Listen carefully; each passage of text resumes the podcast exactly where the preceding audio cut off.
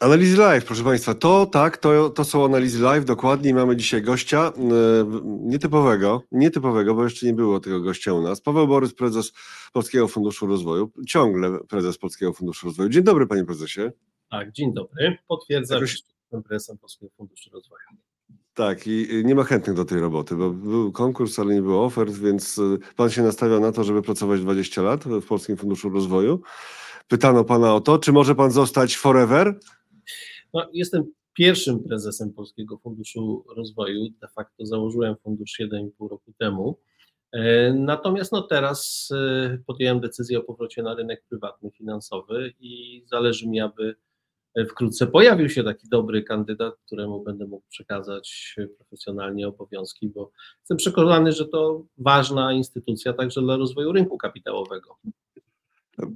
Proszę Państwa, ale mnie tu sobie spijać z dzióbków, z dzióbków nie będziemy. Oczywiście fajnie, że instytucja działa dalej, nie ma jakiejś dziury, ale my skupimy się na PPK, pracowniczych e, planach kapitałowych i porozmawiamy o tym, czy je zmieniać, jak je zmieniać i kiedy zmieniać, bo oczywiście w ramach tych zmian politycznych pojawiły się też takie sygnały, że mm, są pomysły na to, żeby zmieniać. Sprawa trochę przycichła obecnie, bo są inne rzeczy rzeczywiście bardziej spektakularne, ale na jak długo przycichła, tego e, ktoś, ktoś może wie. Ja nie wiem, na ile przycichła. Pewnie e, pan Paweł Borys ma jakieś sygnały, na ile przycichła.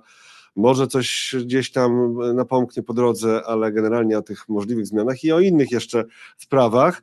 E, ale mamy też ograniczony czas, więc to nie jest tak, że porozmawiamy o wszystkim. Od razu zaznaczam, oczywiście Wasze pytania są bardzo istotne, bo akurat tutaj y, ja wiem, że z, z, z naszym gościem można o bardzo wielu rzeczach y, rozmawiać, także nie tylko polskich, także globalnych.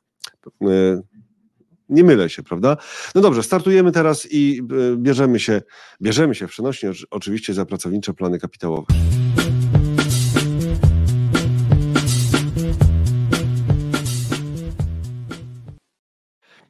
Okej. Okay. Pracownicze plany kapitałowe. Paweł Borys, e, prezes Polskiego Funduszu Rozwoju, Robert Stanielewicz, analizy online, analizy.pl.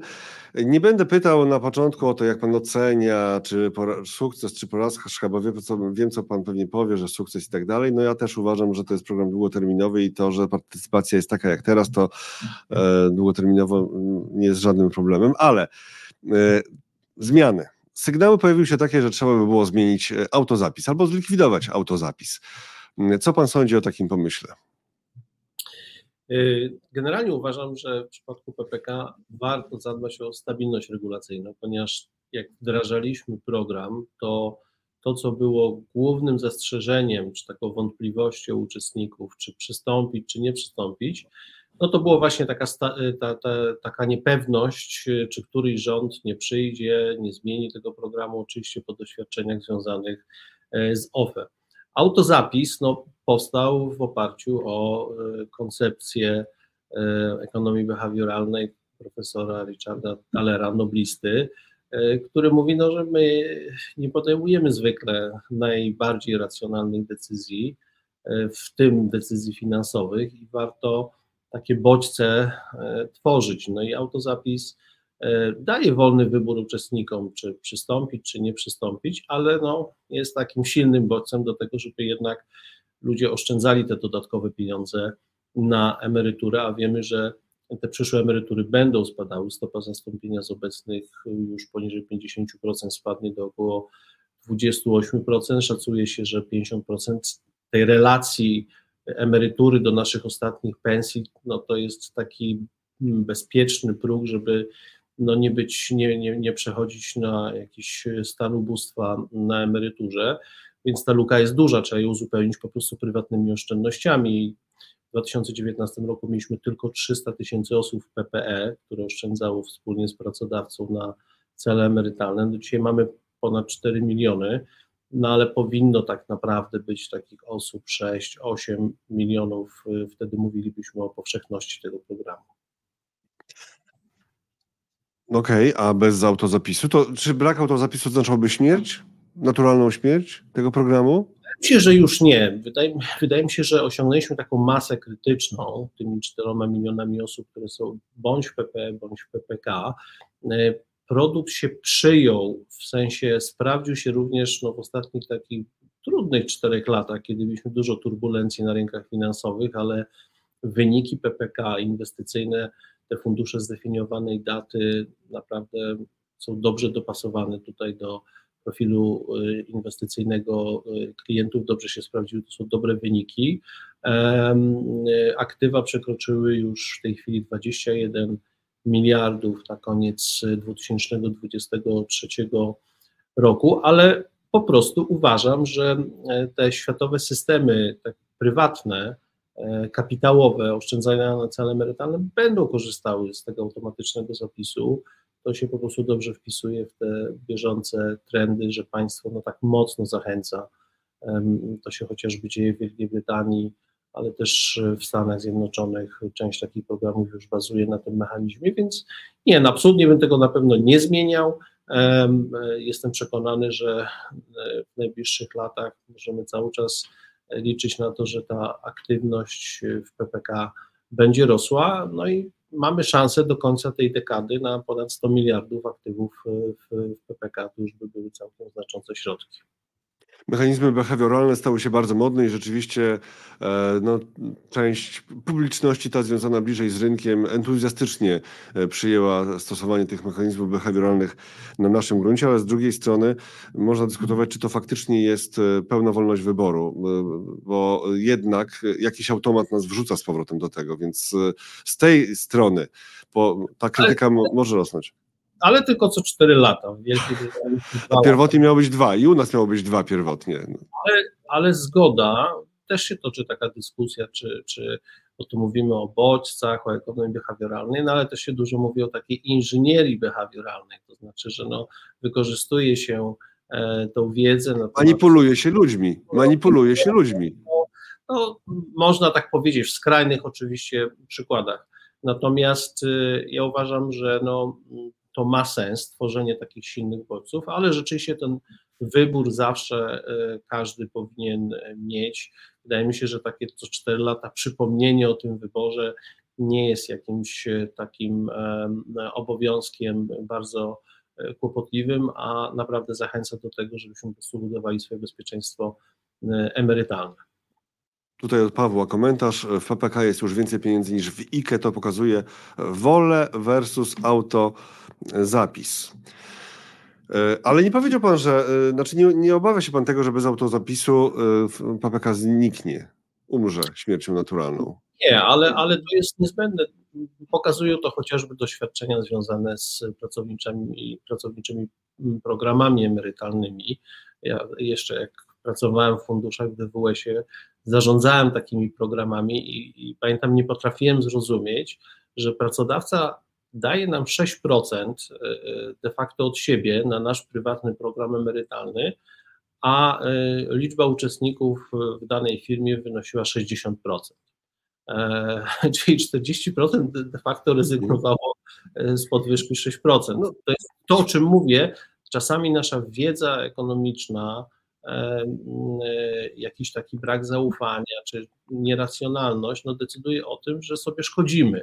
I oczywiście tam jest efekt, że trzeba zapłacić mały podatek dochodowy od tego, no ale to jest tak mało, jak ktoś daje 6%, e, i te pieniądze też można wypłacić, e, że to naprawdę jest nieracjonalne. Dlatego ja jestem zdania, że tego typu mechanizmy automatycznego zapisu są niezbędne do tego, aby zachęcać ludzi do podejmowania tych dobrych dla siebie decyzji, a problem społeczny no, jest, jest bardzo duży. Zresztą PPK no, to nie tylko jest kwestia bezpieczeństwa finansowego, ale to też jest szansa, tak jak mówiłem, na, na, na rozwój e, lokalnego rynku finansowego w Polsce po prostu brakuje nam długoterminowych oszczędności. To nie może być tak, że cały system finansowy jest na mnie miesięcznym depozycie, tak jak jest dzisiaj. A czy z drugiej strony likwidacja autozapisu nie byłaby w interesie mm, przedsiębiorców, firm zatrudniających pracodawców w takim krótkoterminowym może interesie, ale jednak, prawda, bo to by oznaczało, że jednak wolniej by rosła ta grupa osób, albo w ogóle by nie rosła ta grupa osób, a więc nie rosłyby koszty związane z pracowniczymi e, planami kapitałowymi, kapitałowymi które to są obowiązkowe dla e, pracodawców. No, w przypadku pracodawców widzimy, że te duże firmy, które no już trochę stosują inne standardy rynku pracy, dbałości o pracowników, konkurują tych pracowników, e, e, zachęcają do udziału w PPK. Tam ta partycypacja przekracza już średnio 50%, są firmy, gdzie jest to 70-80%.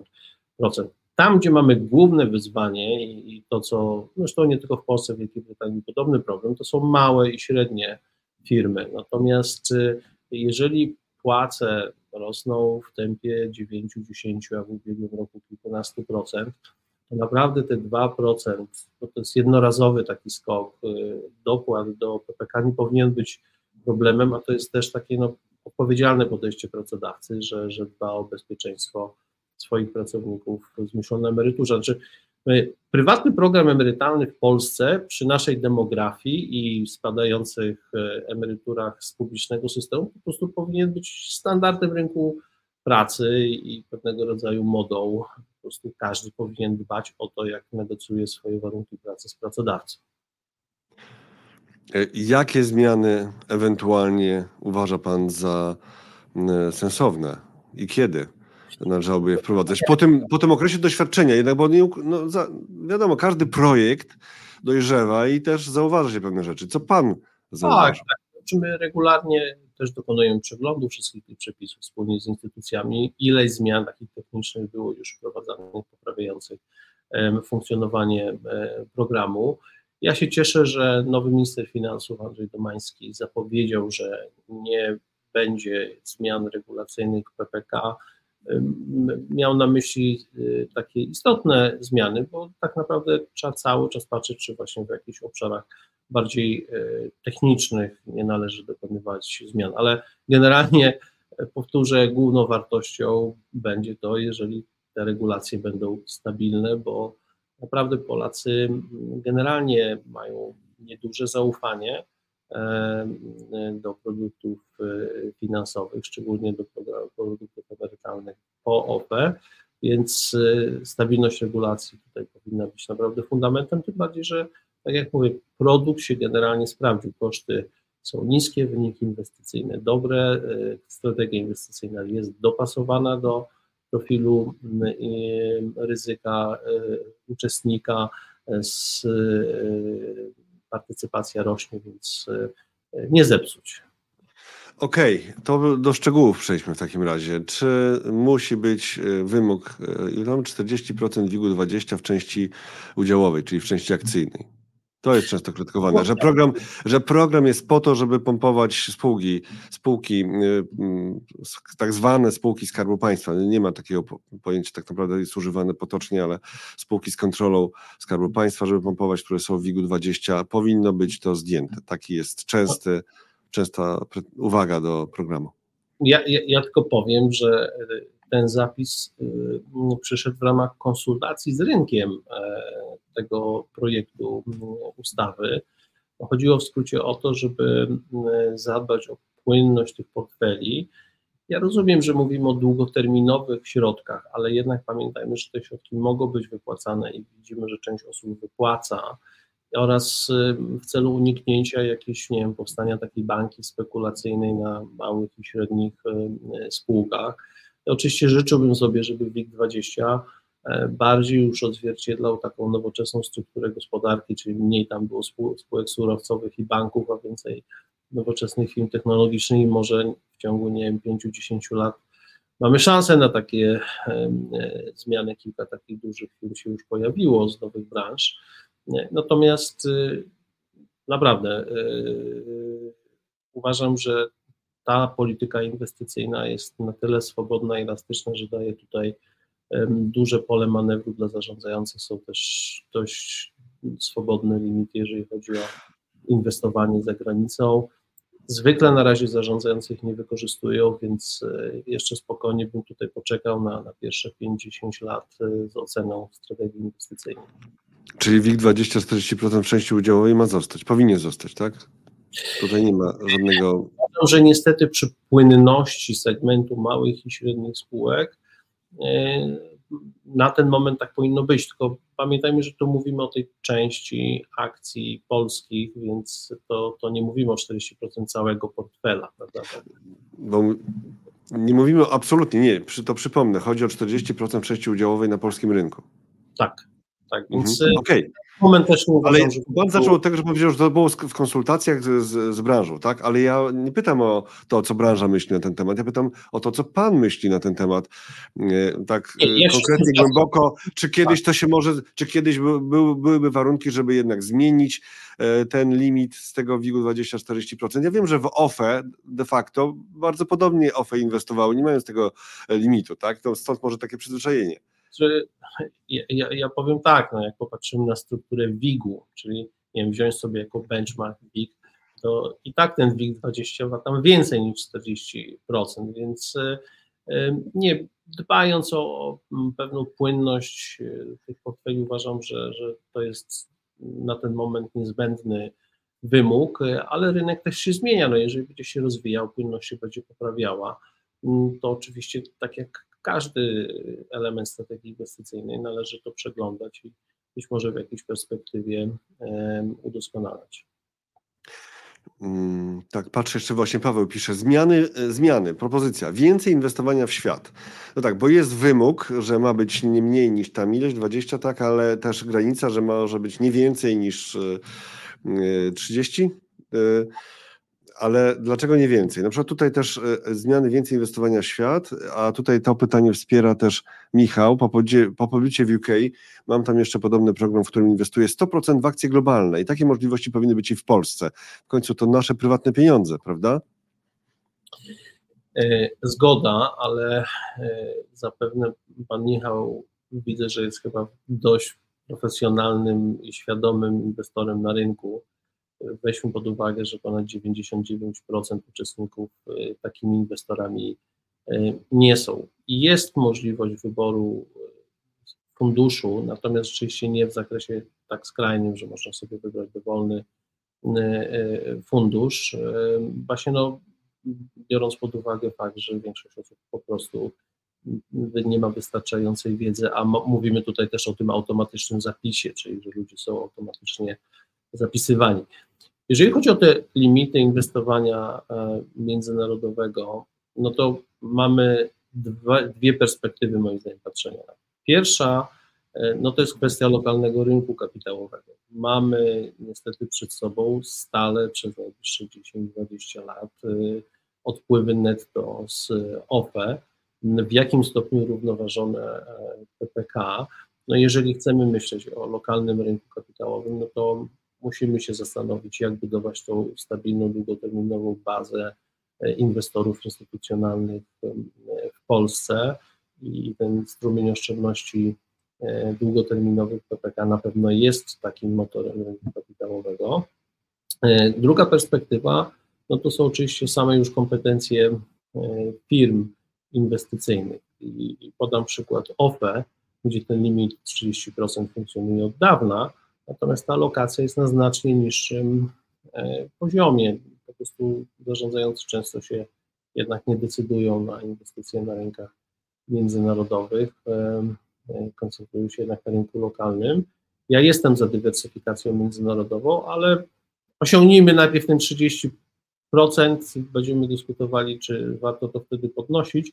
Natomiast ja bardziej zachęcam fundusze emerytalne, czy mówimy o PPA, czy PPE, czy OFE, o inwestowanie też w alternatywne klasy aktywów, bo to, że jesteśmy cały czas na rynku publicznym albo na rynku obligacji, a praktycznie e, ci uczestnicy nie mają żadnej ekspozycji, nawet rzędu 5-7% e, na alternatywne klasy aktywów, nie jest dobra. Uważam, że tak jak to robią fundusze emerytalne czy ubezpieczenia na życie, na świecie ta ekspozycja na wiem, fundusze infrastrukturalne, fundusze private equity, um, rejty powinna mieć miejsce.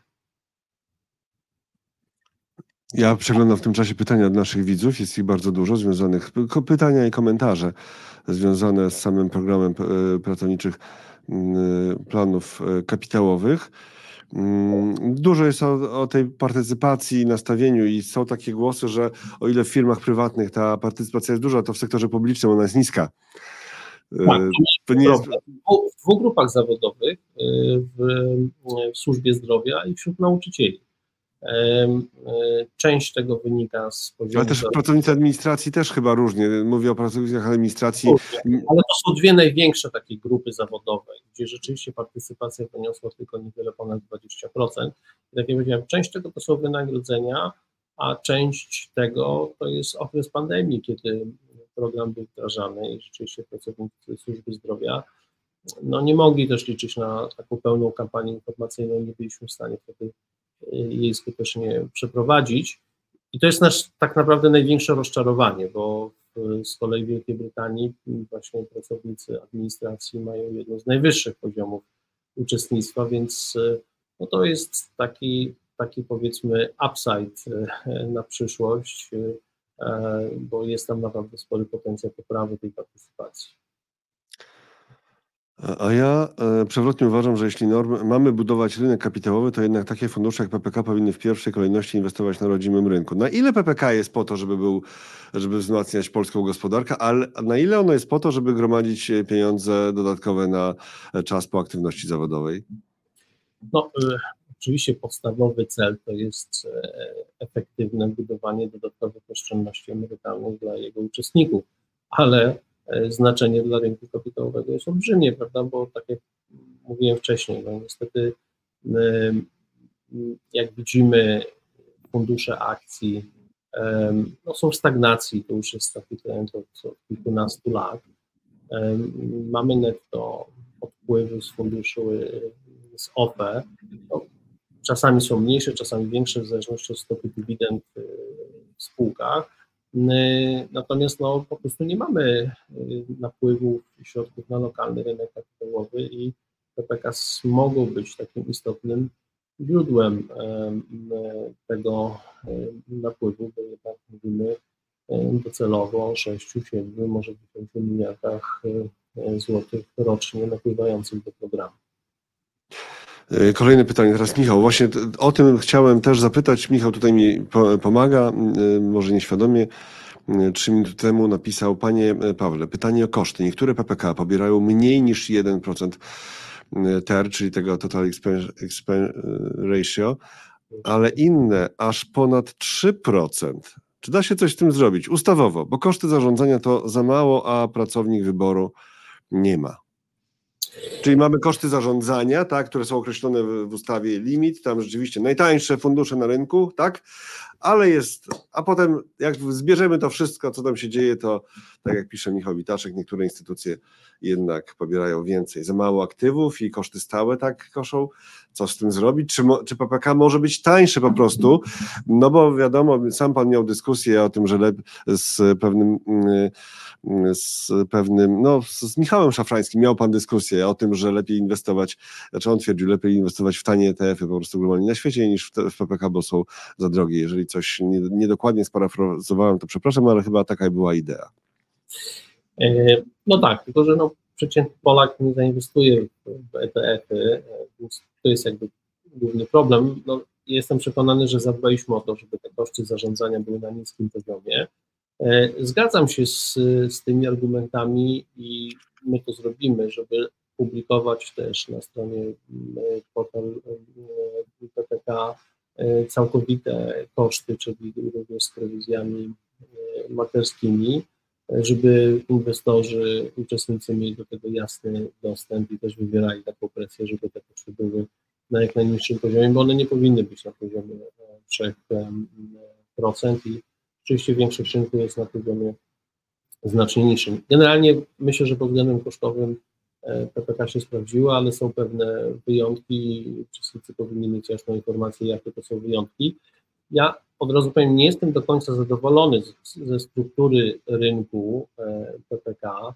E, tutaj PZU i PKO stali się trochę ofiarami swojego sukcesu, bo mocno poszli dystrybucją, mają duże udziały rynkowe Yy, jest ten limit 15%, powyżej którego nie można pobierać opłaty za zarządzanie, więc oni też tej opłaty nie pobierają, yy, ale przez to powstało kilka innych yy, towarzystw, funduszy inwestycyjnych czy firm inwestycyjnych, które nie mają skali, a od początku nam zależało, żeby właśnie ten rynek był bardziej zdywersyfikowany, więc no zobaczymy, jak to się potoczy w przyszłości, bo takim naturalnym bodźcem dla PZU czy PKO być może powinno być sprzedanie części tego biznesu mniejszym firmom, skoro one mogą i tak od pobierać żadnych opłat.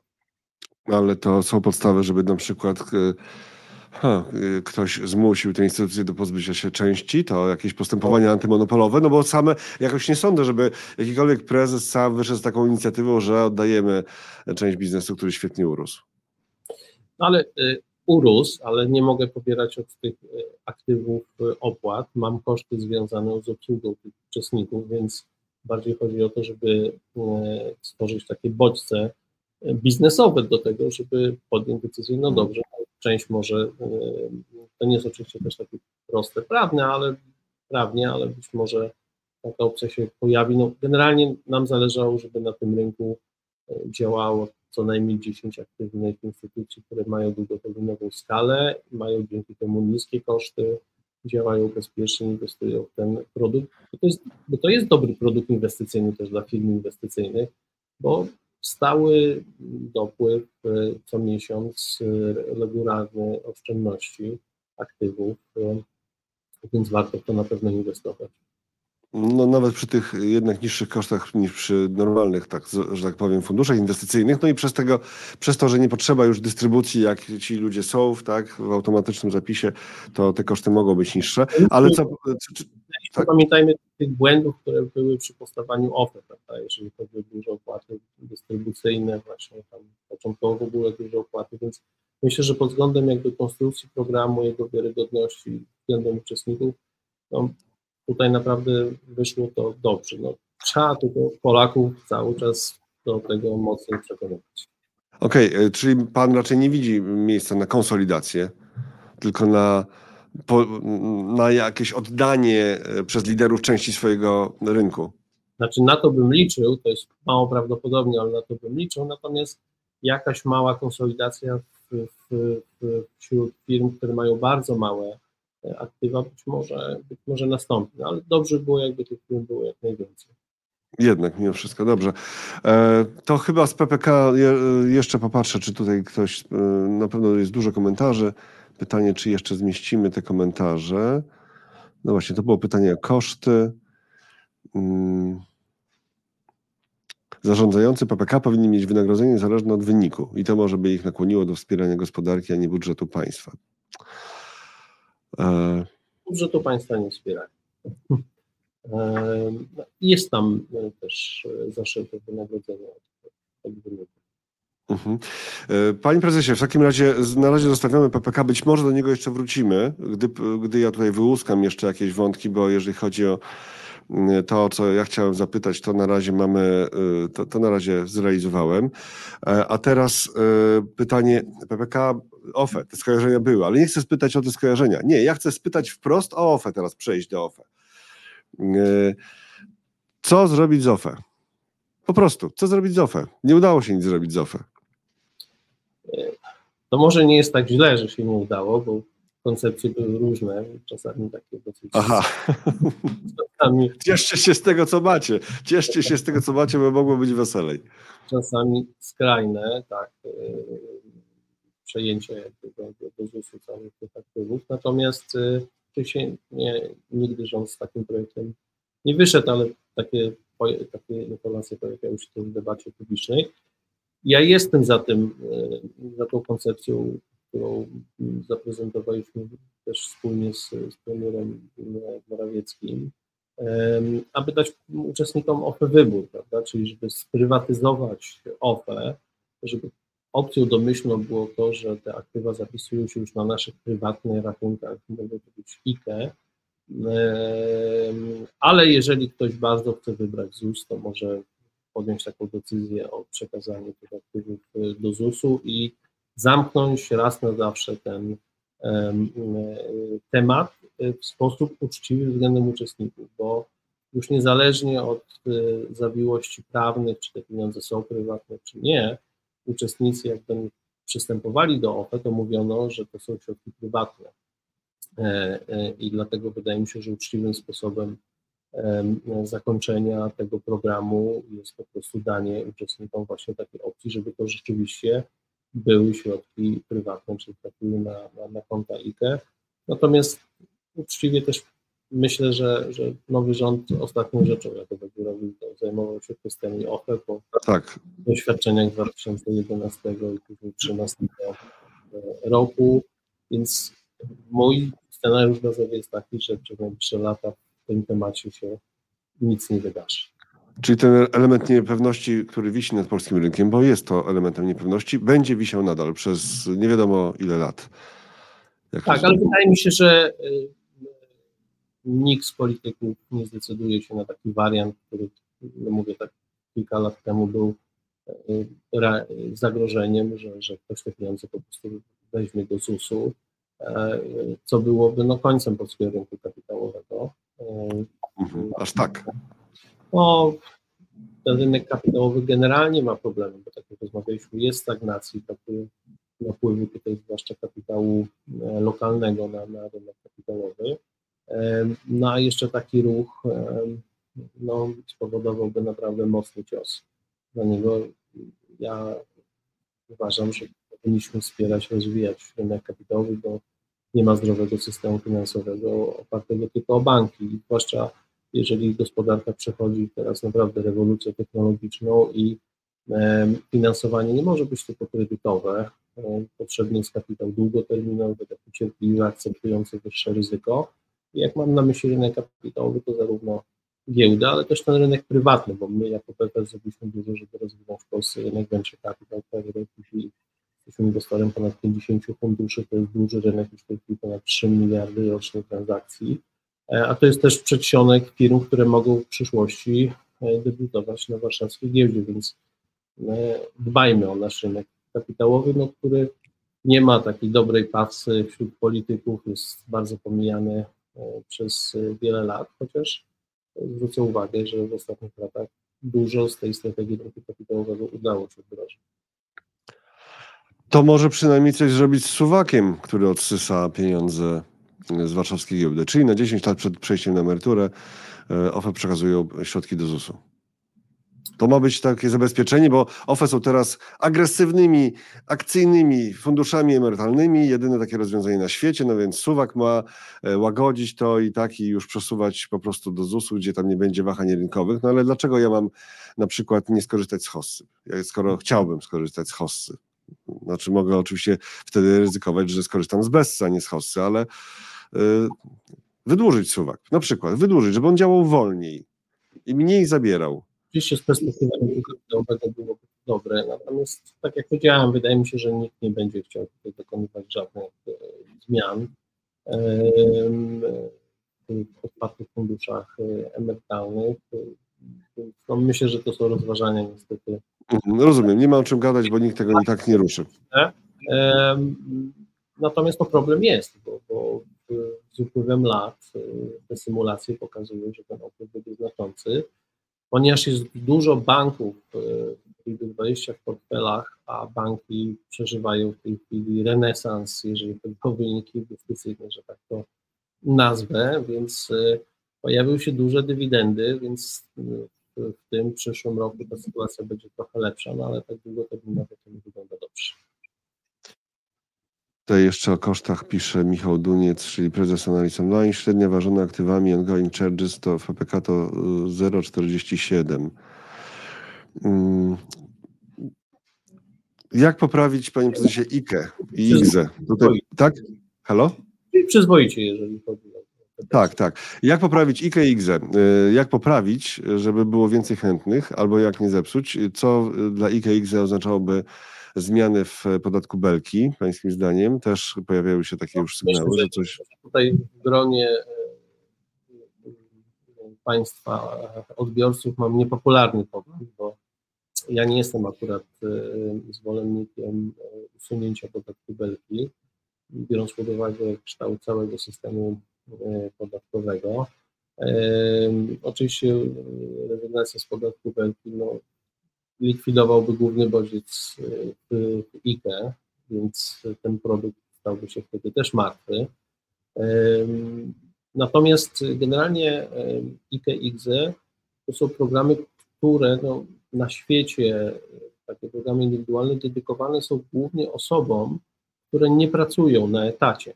Bo my powinniśmy mieć taki model, że tak jak o tym wspominałem, jeżeli pracuję na etacie w firmie, mam swój prywatny program emerytalny wspólnie z pracodawcą, to jest najbardziej efektywne. Natomiast y, dla osób samozatrudnionych, prowadzących firmy właśnie są te IGZE i dlatego też w ustawie o PPK podnieśliśmy limity wpłat na IGZE. No i zwłaszcza IGZE, jak popatrzymy na e, te korzyści podatkowe, no to one powodują, że one są bardzo atrakcyjne, no podobnie, podobnie PPK są tymi dopłatami, więc E, ja byłbym za tym, żeby zwłaszcza ich mocniej e, promować, bo cały czas e, jestem przekonany, że wiedza Polaków na temat tego produktu jest mała. To, co rząd powinien ewentualnie rozważać, to jest podniesienie limitów wpłat na, na, na IGZE i ja bym sobie wyobrażał, że ten nasz przyszły prywatny system produktów emerytalnych właśnie oparty jest głównie o PPK i INSE. No to super, podnieśmy limity. Ja myślę, że dla wielu Polaków jednak zapełnienie tych dwóch limitów IKE i IGZE to jest wyczyn e, i naprawdę trudny do osiągnięcia. Zresztą takie, takie badania gdzieś widziałem, że wpłaca, ta, ta wpłata nawet nie przeciętnie nie realizuje tego limitu, więc e. I pamiętam, że od dawna branża finansowa, słyszałem wiele razy na różnych konferencjach, że tak, podnieść limity, limity za niskie. Ludzie, którzy zarabiają po e, kilkadziesiąt tysięcy miesięcznie mówią, że mówili wtedy, że limity są za niskie. No ja rozumiem, ja rozumiem ich punkt widzenia, tylko z drugiej strony myślę, że to nie to jest przeszkodą w popularności, dla popularności tych rozwiązań. Ale zwrócę uwagę na trzy rzeczy. Znaczy, pierwsza jest taka, że Polacy jednak rzeczywiście się e, bogacą. E, ta relacja wydatków do naszych dochodów rozporządzalnych jest na poziomie około 70%, czyli przeciętne gospodarstwo domowe te 25-30% wolnych środków w budżecie jest w stanie już wygospodarować. 20 lat temu to praktycznie byliśmy na zero. 10 lat temu e, kredyty gospodarstw domowych miały taką samą wartość jak depozyty, Dzisiaj jest nadwyżka depozytów ponad 350 miliardów złotych. No i e, e, trzeci element to jest e, to, że ta luka w stopie zastąpienia, czyli ten spadek jakości życia, standardów życia na emeryturze, jednak największa jest wśród osób o trochę wyższych dochodach. Więc jeżeli chcemy ją zapewnić, zapełnić, no to, to jest uzasadnienie do trochę wyższych limitów, pomimo tego, że oczywiście przeciętny uczestnik pewnie nie będzie ich wykorzystywał. Y, okej, okay. to są pomysły na jakieś zmiany, czyli wyższa kwota na przykład, ale z drugiej strony y, IGZE straciło na popularności za sprawą Polskiego Ładu. No super, obniżka podatków, tak, 12%. E, ale to e, nic się nie pojawiło w zamian, no bo osoby, które e, nie wchodzą w, drugą półkę podatkową, nie mają takich ewidentnych korzyści, po prostu one zniknęły. No, nie tak jeszcze w pełni, tak jak mówię, dla, no, no, dla osób... Panie prezydencie, ile tam zostało? No, śladowa jakaś tam warstewka tam te, tych korzyści została po obniżeniu PIT-u. Super, niższy PIT, fantastycznie. Tylko to trochę jest tak, wtedy zrobiono coś takiego, o czym teraz y, mówi y, no, no, nowa większość, mówiąc o zmianach, y, które należałoby wprowadzić, na przykład likwidacja podatku belki, czy jakaś ulga w podatku belki. Ja na razie nie słyszę, bo to są takie tematy abstrakcyjne dla polityków z reguły, że jakieś IGZE jest, że jakieś IKE jest. Okej, okay, obniżymy podatek, zreformujemy podatek belki, zrobimy tam jakąś ulgę, a to, to się, to właściwie co? No z tym IGZE, no to ale tak samo było wtedy z obniżką podatków. Nikt nie wspomniał o tym, a co zrobić z tymi, którzy rzeczywiście są w IGZE albo chcą być w IGZE. No nie ma pomysłu. Ale, ale, ale, jednak mm, no, ten odpis podatkowy jest, jest też zwolnienie z podatku mm, belki, więc jest to nadal atrakcyjne. No ryczałt jest na końcu, ale ryczałt 10% to nie jest tak, y, to, to też nie jest nic na końcu. Zgoda, to można by pomyśleć o tym ryczałcie. Ewentualnie mamy też ministra finansów, który pochodzi z rynku finansowego, zapewne doskonale zna te mm, produkty. No ale panie profesorze, przyznam pan, że nikt się nie zająknął o tym, gdy był, gdy, był wprowadzony Polski Ład i zmieniono podatki. W, e, instrumenty inwestycyjne do zbierania pieniędzy na starość, tak, są w ogóle jakimś tem tematem także wśród decydentów, ale także w poprzedniej ekipie jakimś w ogóle tematem zupełnie na uboczu. Zmieniamy podatek, obniżamy PIT, a w ogóle nie zająkniemy się nawet tym, co można zrobić, żeby to IGZE jednak było nadal atrakcyjne. Nic nie było. No tak, wtedy, wtedy nie, chociaż no, w ostatnich latach no, cały ten program PPK i, i limitów do IGZE... PPK, szapoba, tutaj masę pochwał, PPK super, ale ja teraz pytam o IGZE. I... No, tak jak powiedziałem, można pomyśleć o zwiększeniu limitu, być może o tym wyczaucie, um, aczkolwiek e, też e, realnie oceniając e, wyzwania stojące przed nowym ministrem finansów, to tam jest kwota wolna od podatku 60 tysięcy zadeklarowana, więc to byłoby prawdziwe wyzwanie. Ale to, ja rozumiem, ale to znowu jest odchodzenie od tematu ze samego. Że nie było słychać. Proszę bardzo. Tak, mówię, że to jest 60 tysięcy jest wszystkim dużym wyzwaniem, jak to, jak to sfinansować, prawda? I myślę, że w takich obszarach bardziej są priorytety niż jeżeli chodzi o X, ale warto o tym mówić. Ja też od kilku lat próbuję się, mm, próbuję zachęcić Ministerstwo Finansów i KNF do tego, żeby napisać nową ustawę o funduszach inwestycyjnych, bo cały czas uważam, że względem e, chociażby Luksemburga nasze fundusze e, nie są konkurencyjne i jest tam sporo rzeczy, które można by było uprościć i trochę e, stworzyć też nowe takie wehikuły e, inwestycyjne, e, też z pewnymi zmianami podatkowymi. No zobaczymy, czy, czy, czy nowe Ministerstwo Finansów będzie chciało się zająć nową ustawą o funduszach inwestycyjnych. E, w porządnej, normalnej rozmowie powinno być tak, że prowadzący trzyma się tematu i nie skacze po tematach, ale ja za sprawą komentarzy od widzów chciałbym wrócić do tego, o czym już rozmawialiśmy.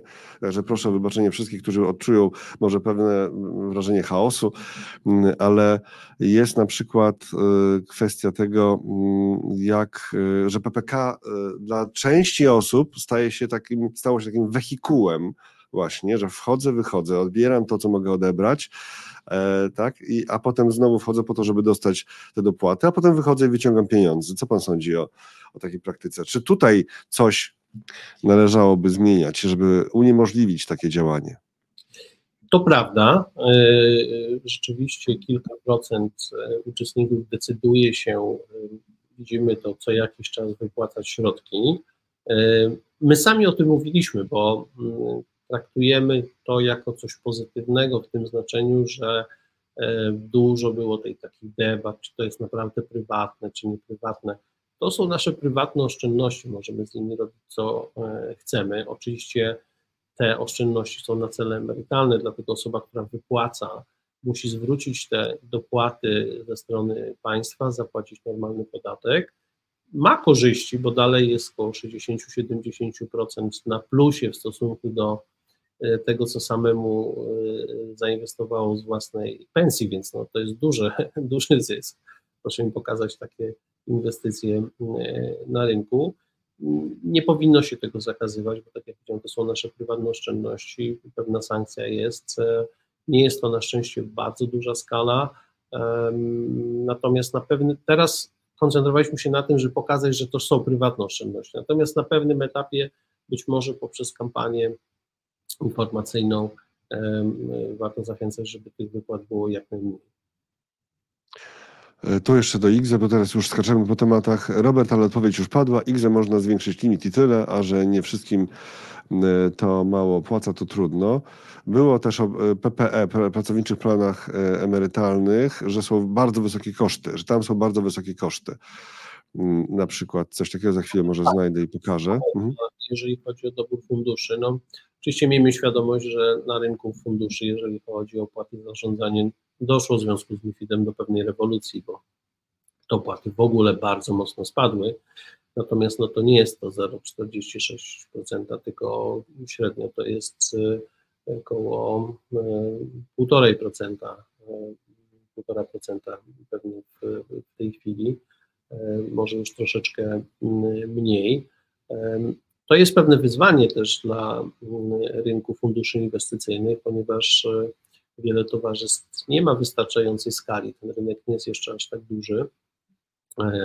Tych aktywów w funduszach rynku kapitałowego, mam na myśli nie te fundusze zamknięte, o ile pamiętam, jest w tej chwili trochę ponad 200 miliardów i część tych prywatnych towarzystw funduszy inwestycyjnych ma problem z uzyskaniem rentowności. Ja odbieram to, że to nie jest dobre, prawda, bo MIFID, to zresztą powiedziałem 10 lat temu, jak MIFID wchodził, e, bardzo tak e, zamyka rynek głównie wokół dużych e, grup bankowych, a to nie jest dobry trend. Wydaje mi się, że, że dobrze jakby te prywatne firmy inwestycyjne również się w Polsce rozwijały. Kolejna sprawa to, czy, bo mówiliśmy o tym wychodzeniu w jedną, w drugą stronę, o tej różnicy do PP, między PPE i PPK, e, no to chyba ten temat już na razie możemy zamknąć. Ja tak trochę się wieszam, dlatego że właśnie patrzę na komentarze, to jest ta inna sytuacja, to jest ta sytuacja, którą mamy w przypadku YouTube'a, mm, że, że reagujemy w live'ach na to, co piszecie. Mm, także proszę o chwilę cierpliwości. A właśnie, tego szukałem, zmiany. Wybór PPK przez pracownika, Paweł pisze. E, no i to jest e, ciekawa propozycja, bo wybiera tej, w tym momencie pracodawca. Jeżeli instytucja ma dużą siłę rażenia, instytucja finansowa i dobrą dystrybucję, potężną, tak jak wspomniał Pan o tych kluczowych graczach, no to ona po prostu rzeczywiście może zebrać gro rynku, a mogą się pojawić osoby, które wiedzą trochę więcej i na przykład no, wolałyby mieć w innym mm, PPK. Czy to byłaby nadmierna komplikacja, czy to jest niewykonalne, czy jednak gdzieś tam można sobie wyobrażać takie zmiany. Kiedyś, już teraz teoretycznie, wiem, że to jest, nie jest coś, coś, czym się ktoś będzie zajmował przez na, najbliższy rok, bo będzie dużo huków w innych sprawach, ale co pan sądzi o tym? Znaczy, ja rozumiem te uwagi dotyczące dawania jak największego wyboru, ale jeżeli popatrzymy tak na badania, e, ile osób tak naprawdę chce realnie dokonywać aktywnych wyborów, naprawdę to jest bardzo mało osób, a poziom jakby komplikacji z perspektywy pracodawcy, w ogóle posiadanie takiej platformy, gdzie można sobie wybierać, no pewnie nie jest proste. Potrafiłbym sobie wyobrazić, ta, ta, ta, ta, ta, taką platformę, że de facto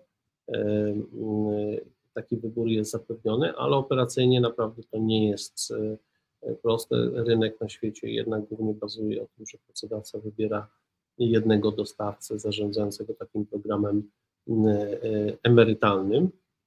E, natomiast przy tej okazji chciałem jeszcze wspomnieć o naszej nowej inicjatywie, którą wdrażamy wspólnie z Ministerstwem Cyfryzacji, to jest Centralna Informacja Emerytalna, bo jednak ta świadomość trochę rośnie, ale mało osób ma świadomość realnie swojej sytuacji finansowej na emeryturze. Pewnie jakbym tutaj pana redaktora zapytał, jaka będzie, ile ma oszczędności w OFE, na koncie w ZUS-ie, jaka będzie przyszła emerytura, no to chyba Takiego nie... rozwiązania brakuje, takiego rozwiązania brakuje, rzeczywiście. To, co mam, chcemy uruchomić w przyszłym roku, e, to jest to, że każdy Polak w jednym miejscu w aplikacji będzie miał dostęp do informacji na wszystkich swoich oszczędności emerytalnych, czy to są oszczędności w ZUS-ie, PPK, WOFE, IKX w dowolnym produkcie e, finansowym. A kolejnym krokiem jest to, żeby ta aplikacja podpowiadała przyszłym emerytom,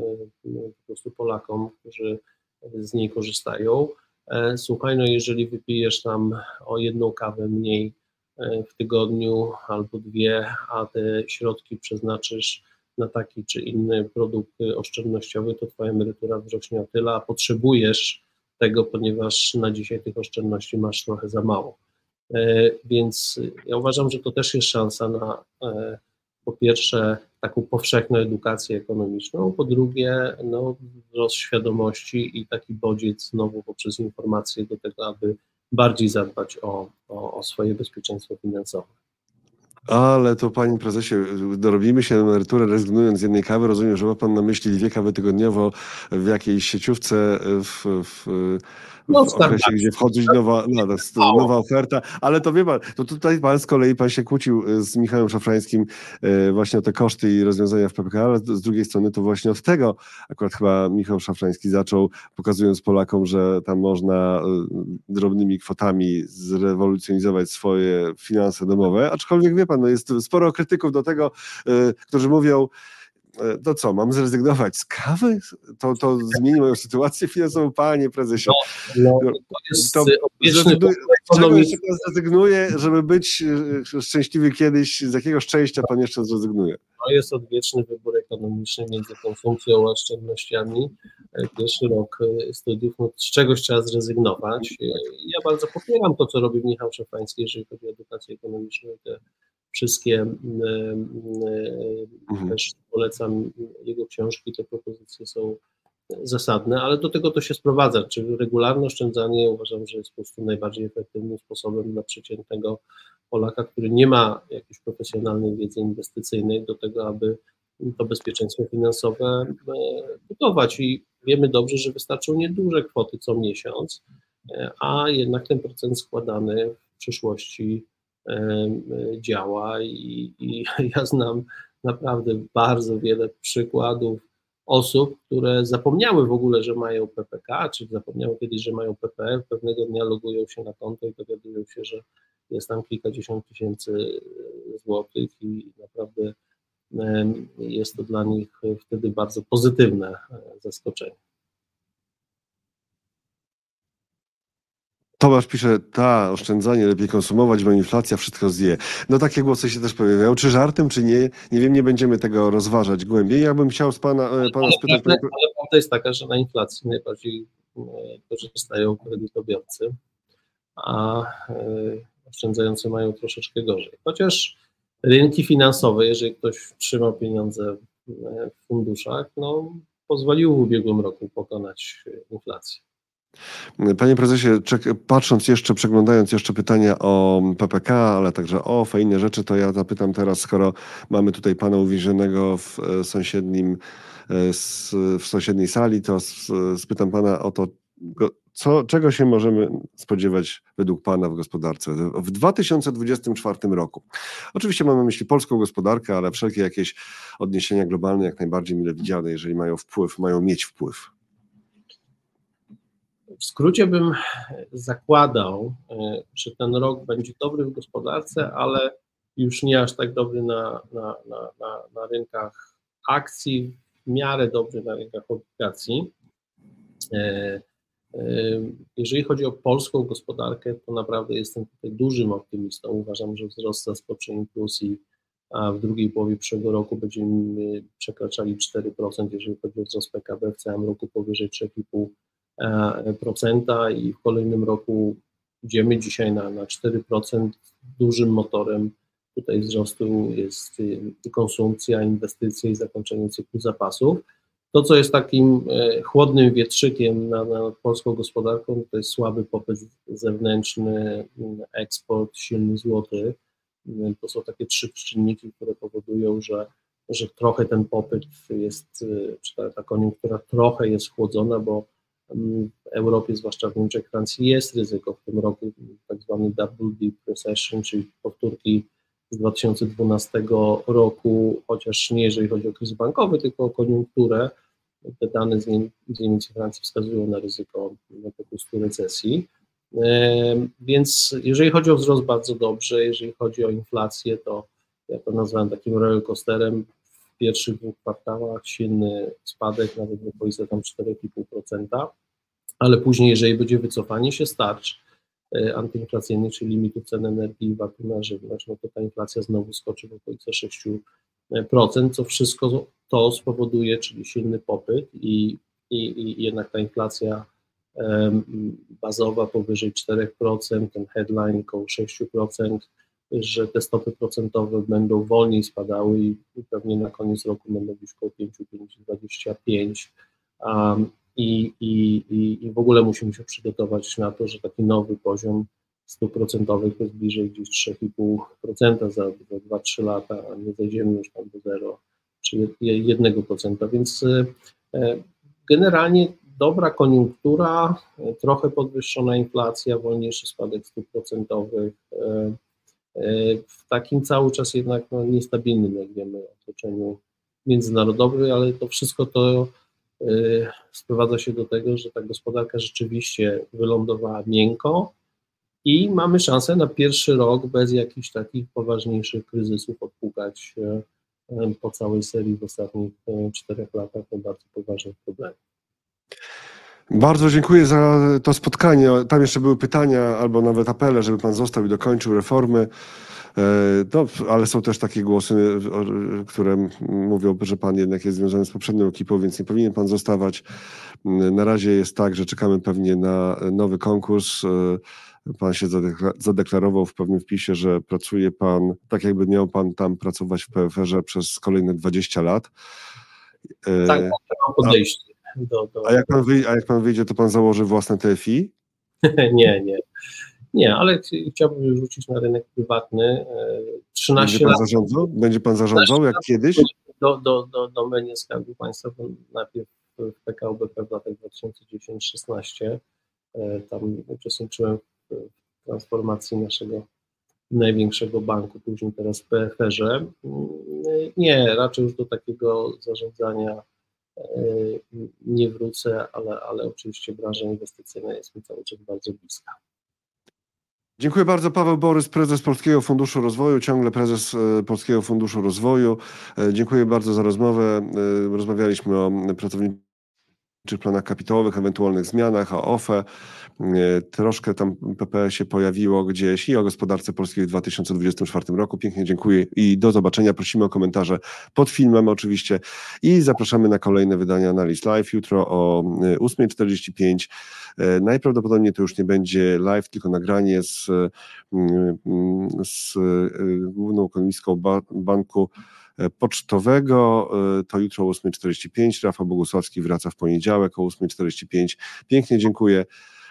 I jako, że z Wami się nie, nie zobaczę już na żywo, to życzę miłego weekendu. Panie prezesie, również życzę miłych najbliższych dni, weekendu właściwie już, tak? Wzajemnie.